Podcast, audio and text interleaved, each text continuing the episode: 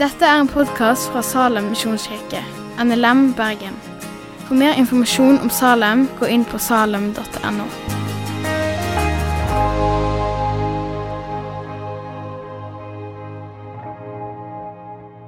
Vi har kommet til den store forsoningsdagen, den siste dagen i taleserien om Det gamle testamentet. En liten sånn, Et utvalg av noen tekster. Jeg vet ikke hvordan du er med tanker fra oppveksten din. Om du husker veldig sånn tydelige bilder. Jeg er det. Jeg får av og til litt sånn hets fordi Gjermund kan umulig huske så langt tilbake i tid. Eh, men jeg, jeg, husker ganske masse fra oppvekst. Kanskje er det fordi vi flytta fra Telemark til Rogaland. Jeg vet ikke, Men jeg har ett bilde fra Telemark som er, stikker seg litt ekstra ut. Jeg har en veldig eh, kjekk mormor som er veldig snill og grei. Men en dag så var hun veldig sur på meg.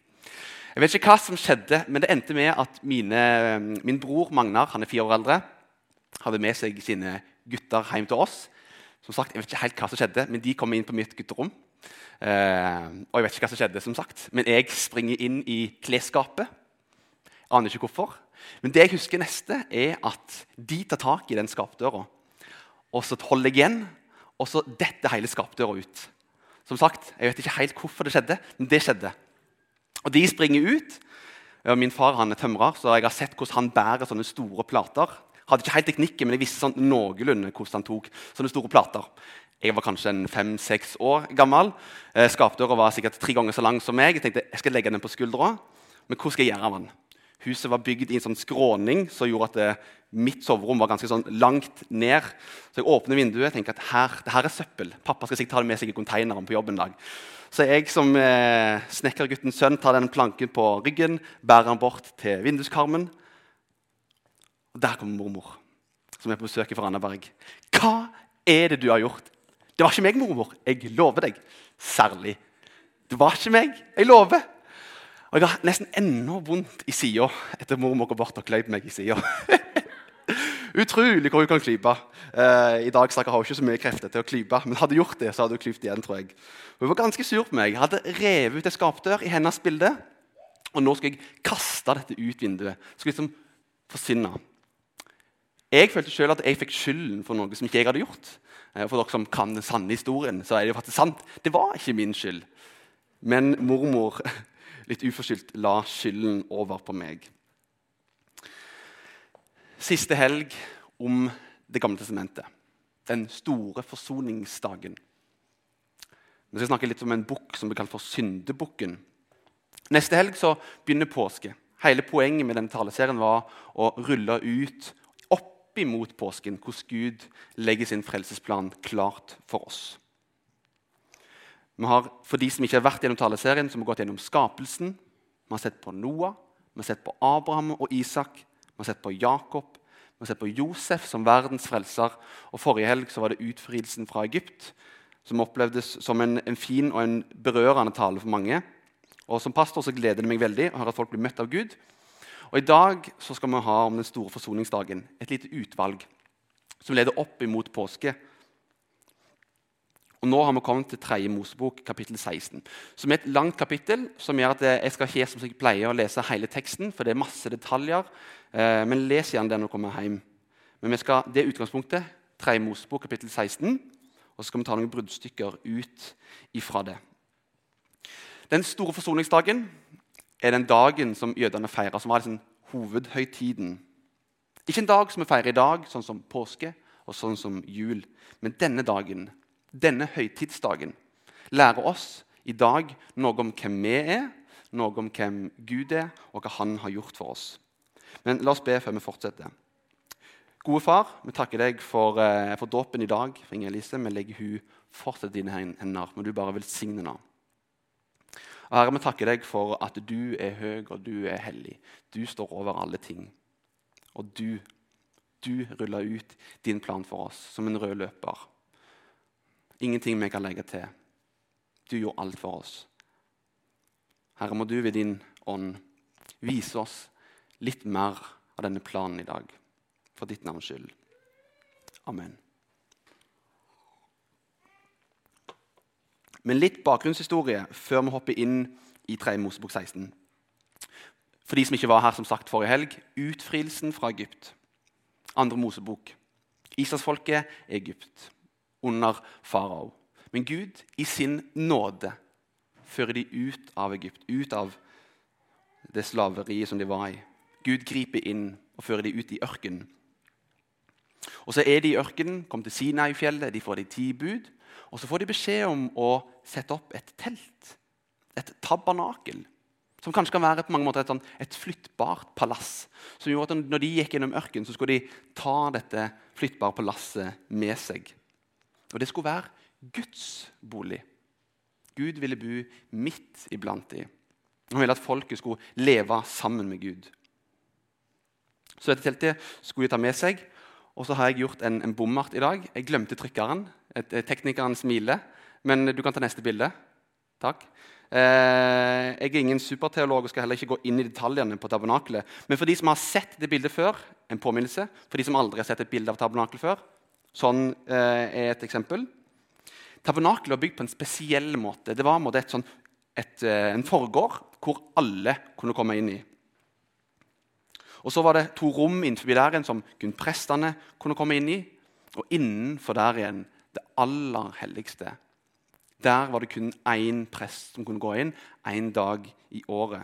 Og det, det var på den store forsoningsdagen. Og Det var den største dagen i året til israelsfolket. Og så kan du ta neste slide igjen. Og Ordet forsoning betyr å, å dekke over. Forsoning. Dekke over. For offeret i Det gamle testamentet kunne ikke faktisk fjerne synd. Det kunne bare dekke over det.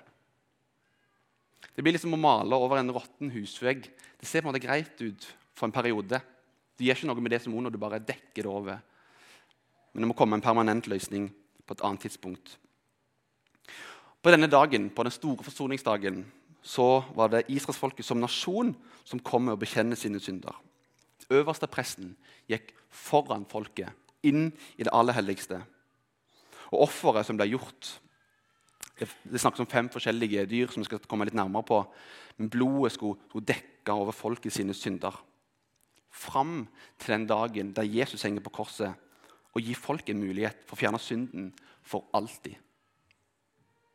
Én dag i året, én mann, kunne gå inn i det aller helligste. Gjøre soning for seg sjøl og for hele folket. Han fikk lov til å komme inn i kongens nærhet. Guds nærhet. Og problemet, Hovedproblemet med at de ikke kunne gå inn til Gud og være i møte med Gud, var pga. synden. Vi skal ikke bruke altfor masse tid om det i dag, men det er hovedgrunnen til det. Det var problemet. Fordi Gud han var hellig. Den store forsoningsdagen var den dagen der alt skulle bli gjort opp for. For Gud, som vi har sett gjennom taleserien, og som vi ser i Bibelen Gud han er nådig når han skaper mennesket. Og Gud han er nådig, Gud han er nådig, Gud han er nådig. Og Israels folk igjen har, har tråkka på Guds vilje. Men Gud han nok en gang er nådig og gjør det klar for en dag der de skal få lov til å gjøre opp sin synd. Så Det er litt bakteppe til kapittel 16. Og så står det i de to første versene, som du kan eh, ta med på skjermen. Men bakteppet til de to første versene er at øverste presten, Aron, broren til Moses, Mosebøkene, broren til Moses, hadde to sønner som gikk inn i det aller helligste uten lov.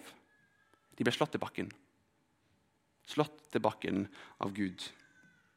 Og Derfor sier Gud i vers 1-2.: Herren talte til Moses etter at de to sønnene til Aron var døde. De som døde da de trådte fram for Herrens ansikt. Herren sa til Moses.: Si til din bror Aron at han ikke til hvilken som helst tid skal gå innenfor forhenget i helligdommen, fram til soningsstedet, som er lokket på paktkisten, for da må han dø. For jeg viser meg i skya over soningsstedet. Så Israelsfolket har kommet seg ut av Egypt. De er i ørkenen, får beskjed om å bygge et tabernakel, et flyttbart palass. Og Der var Gud midt iblant dem. Og En dag i året kommer øverste presten inn foran Gud, gjør soning for seg sjøl og gjør soning for hele folket. Og I kapittel 16 senere, så kommer det masse detaljer som vi ikke skal gå inn i detalj i i dag. Uh, ja, du kan gå tilbake inn, egentlig. Jeg kan bare gi beskjed når det neste kommer. Jeg skulle egentlig ha den trykka, skjønner dere, det er det som er greia. Uh, for ikke bli litt rot. Beklager det. Uh, det skjer en del detaljer i kapittel 16 som vi ikke skal gå inn i i dag. for å holde ei tunge beint i munnen. Men når du kommer hjem, og når du leser kapittel 16 Jeg måtte ha et A3-ark for å finne ut av hva er det egentlig som skjer, for det er ganske mye detaljer eh, avanserte greier for meg som en, en, enkel mann. Men vi skal se på, på, to ting. Fordi Det nevnes fem forskjellige dyr på den store forsoningsdagen. Og Vi skal se på to dyr som særlig løfter seg fram på den store forsoningsdagen. To, er, to av de fem som er særlig viktige. Og Det er de to bukkene her. Nå kan vi ta fram versene. Fra Israel menighet skal han ta to geitebukker til syndoffer. Så skal han ta de to bukkene og stille dem fram for Herrens ansikt i inngangen til telthelligdommen. Aron skal kaste lodd om bukkene. Ett lodd for Herren og ett for Asesel. Den bukken som loddet for Herren faller på, skal Aron føre fram og lage til syndoffer. Men den bukken som loddet for Asesel faller på, skal stilles levende fram for Herrens ansikt. Ved den skal det gjøre soning når han sendes ut i ørkenen til Asesel. Disse to bukkene blir ført fram for Guds ansikt. Blir kasta lodd om. Den ene til Herren, den ene som en syndebukk for folket.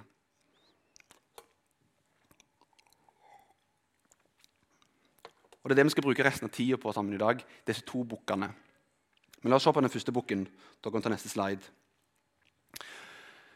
Den, Jeg fikk tilbakemelding at det er kanskje ikke en bukk, men det er, et bilde på en bukk. Den første bukken skulle ofres for folket. Gud han tilgir syndene til folket gjennom den første bukken. Det står at han skulle stryke blodet av denne bukken på alterhornene. Andre Mosebok, dødsengen som går forbi. Når han ser blodet, så går Gud forbi. Når Gud ser blod, så går han forbi. Når Gud så blodet fra den første bukken her, så går han forbi. Han tilgir og det står Da kan du ta, trykke neste. Deretter skal han slakte den synderforbukken som er for folket, og bære blodet innenfor forhenget. Hvorfor? Hvorfor må det være sånn at det skal være et offer? Hvorfor må det være på den måten, Gud? Hvorfor må det være et blod? Jeg kan ikke gi et fullstendig svar på det. Men det jeg kan si, at Gud er rettferdig. Men hvorfor kan ikke Gud bare nytt år, nye muligheter? Gud er rettferdig, og Gud kan ikke se gjennom fingrene på ondskap. Og Sånn ville det vært med en rettferdig politimann hvis han så han var av jobben sin, og så blir han vitne til en som skyter en annen person.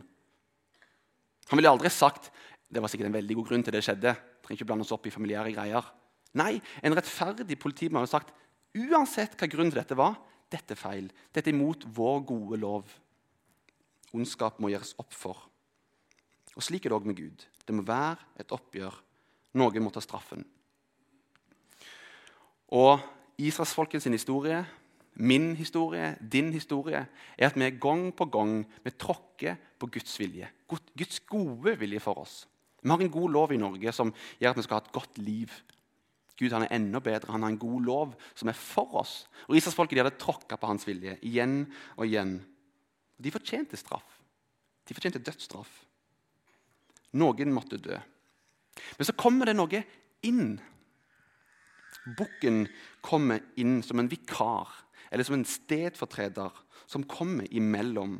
Som tar straffen i stedet for Israelsfolket. De trenger ikke lenger stå ansvarlig for sin synd. Denne bukken tar det.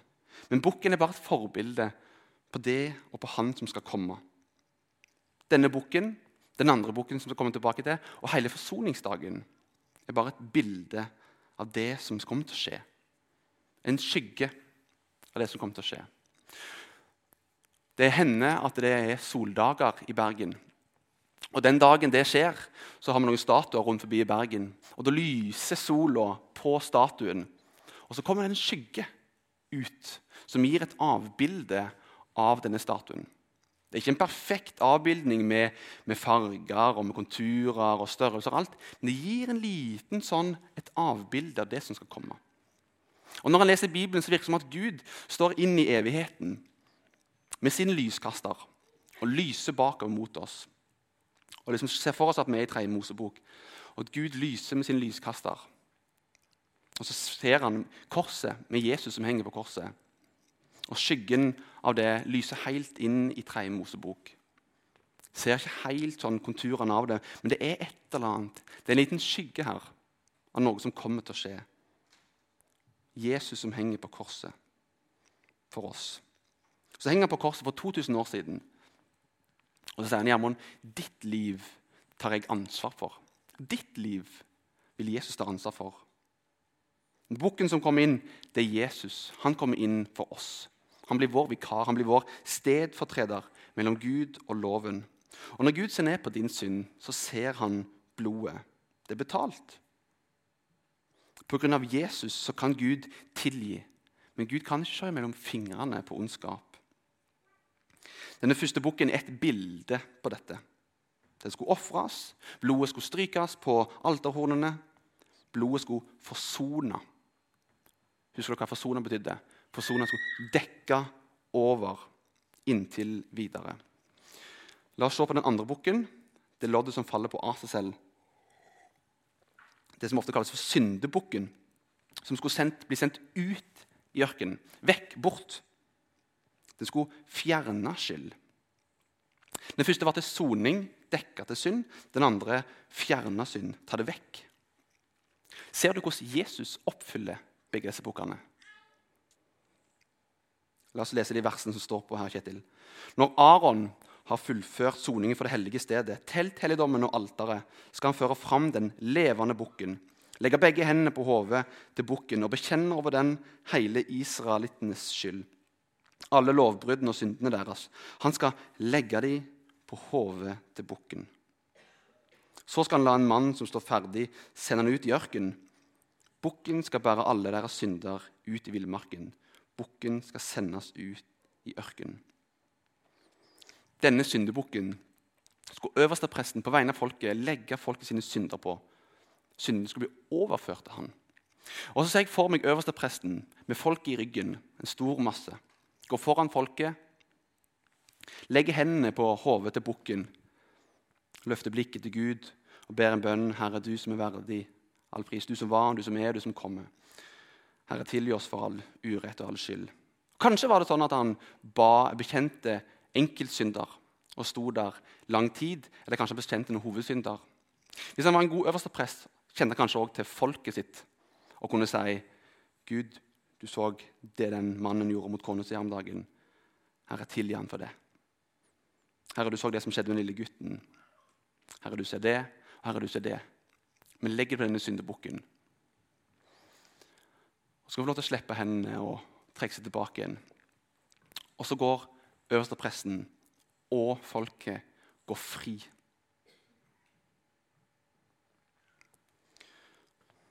Vekk for alltid. Og I Det nye testamentet så møter vi en som døperen Johannes, som en dag ser Jesus komme gående. Så sier døperen Johannes med en liten gjeng Se. Se. Guds lam som bærer bort verdens synd. Jesus er den som bærer bort synden for deg på sine skuldre, opp på korset. Jesus er syndebukken. Det betyr at vi som kirke og vi som enkeltpersoner kan få lov til å legge av skylden vår hos Jesus. Vi kan bekjenne vår synd hos Jesus. Så kan du be Herre, jeg sliter med, med baktale, så jeg kommer ikke ut av det. Herre, jeg har lyst til å bare legge det på deg, på dine skuldre. Det smerter meg å gjøre det, Herre, men du sier at vi skal komme til deg med alt. Sånn kan du komme til Jesus. Eller kanskje ikke du vet helt hvordan du skal gjøre det. Vi har forbund her i Salem, og, og, bak til høyre så er det forbund etterpå. Kanskje du kan gå bak og bare si denne synden her plager meg så. Kanskje har du òg en sånn hovedsynd som, som, plager deg i din relasjon til Gud. Herre, jeg har bare lyst en gang for alle bare legge den her av hos deg. Og Så kan den forbønnen legge hendene på deg, og så kan han be dersom vi bekjenner våre synder, er han trofast og rettferdig. Så han tilgir oss syndene og renser oss for all urett. Vi har sett av disse fem dyra på eh, storforsoningsdagen at det trekker seg opp to bukker som er viktige. Som viser oss noe av hva Jesus gjorde på korset. Men det første hans blod blir utøst. Vi får syndenes tilgivelse. Jesus er den første bukken. Jesus tar med seg all vår skyld på korset, slik at skylden tas vekk, ikke bare dekkes over lenger. Jesus er den andre bukken. Jesus er den første bukken, han er den andre bukken, men han er òg øverste presten som går foran folket, framfor Gud. Og Jesus han er den store forsoningsdagen. Og så har jeg lyst til å slutte med et siste aspekt med denne dagen som er aktuelt for oss. Så kan vi ta neste og siste slide. Nemlig at den store forsoningsdagen handler om å få tilgivelse fra Gud, men han har meldt seg med om å forsone seg og gjøre opp mellom menneskene. Den store forsoningsdagen handler om å vende tilbake til Gud, gjøre opp for seg sjøl og beklage sin dårlige oppførsel. Og Jødene feirer fremdeles den dagen i dag. Og Dette er en dag som en gjerne kan bli oppringt av noen, der folk ringer og ber om tilgivelse for det som har skjedd i det året som har vært. Og Det er en konkret måte hvor vi kan be om tilgivelse hvis en har gjort synd mot en annen person. Ofte snakker man kanskje om synd jeg tenker for meg at synd ofte preger bare min relasjon til Gud. Men min synd i høyeste grad påvirker mine nærmeste. Og Dette var òg en viktig dag ved den store forsoningsdagen. Og I det så modellerer Bibelen nok en gang et eksempel for oss i dag. På tilgivelse og på anger. For vi kan ringe en som vi har synda imot, i året eller uka eller måneden som ligger bak oss. Tenk hvis vi var i sånne kirker som ringte til folk og ba om tilgivelse. Eller ringte på døra til folk og ba om tilgivelse. Du, jeg vet ikke om du tenkte på det der, men jeg har så dårlig samvittighet for det som jeg sa. Jeg vet ikke om du tenkte noe på det, men For meg så fikk jeg dårlig samvittighet.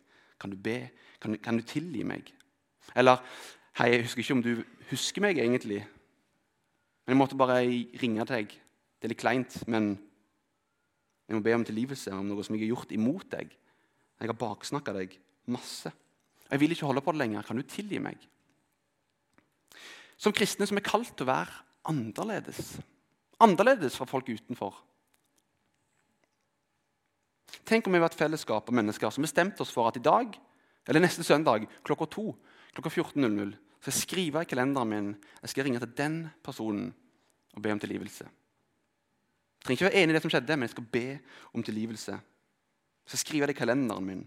Fordi jeg tar min tro på alvor. Og jeg tar min neste på alvor. Jeg skal ringe den personen og jeg skal be om tilgivelse. Tenk hvis vi var et fellesskap som gjorde opp synd oss imellom, men òg overfor Gud. Og Hvis noen ble urettferdig behandla, kunne vi nesten bare vite at det var dumt men vi kjenner den personen. Det kommer til å gå noen dager, så kommer den personen til å ringe og be om tilgivelse. Tenk hvis vi var som fellesskap som kom inn på gudstjeneste, kom inn i fellesskap, kom inn i Herren sitt nærvær. Fri fra skyld, fri fra skam, side ved side. Synder og synder på begge sider. Med blikket vendt oppover og framover. Og synden som hadde skjedd det siste året, siste uka, siste måneden, er blitt gjort opp imellom den enkelte, men òg overfor Gud. Som gjør at i tilbedelsen så kan de stå rakrygga i tilbedelsen og rope begge to 'Ære være du, Jesus'. Ære være du, Herre, du som var, du som er, og du som kommer. Tenk hvis vi var et fellesskap som det, hvor synden ble bekjent overfor hverandre overfor Gud, og som gjorde at vi kunne stå skulder til skulder med den som har gjort vondt imot deg. Fordi du hadde lært å tilgi slik Jesus tilgir. Og den som hadde gjort noe urett. Tenk hvis han eller hun hadde lært seg ydmykhet. Ikke i verdens ydmykhet, men i Jesus' sin ydmykhet. Vår konge har lært oss å be. Tilgi oss vår skyld. tilgi oss vår skyld, slik også vi tilgir våre skyldnere. Og la oss ikke komme i fristelse, men frels oss fra det onde. For riket er ditt, og makten og æren i evighet. Tenk hvis vi var et sånt fellesskap. Tenk hvis. Herre, ære være du. Du som var, du som er, og du som kommer. Herre, må du hjelpe meg. Herre, må du hjelpe oss til å tilgi. Herre, må du hjelpe meg. Herre, må du hjelpe oss til å være ydmyke. Men òg ydmyke oss sjøl overfor de som vi har gjort urett imot. For ditt navns skyld. Amen. Takk for at du har hørt på podkasten fra Salem, Bergen. I Salem vil vi vinne, bevare, utruste og sende. Til Guds ære. Vi ønsker å se mennesker finne fellesskap, møte Jesus og bli disippelgjort her i Bergen og i resten av verden. Vil du vite mer om oss, gå inn på salem.no.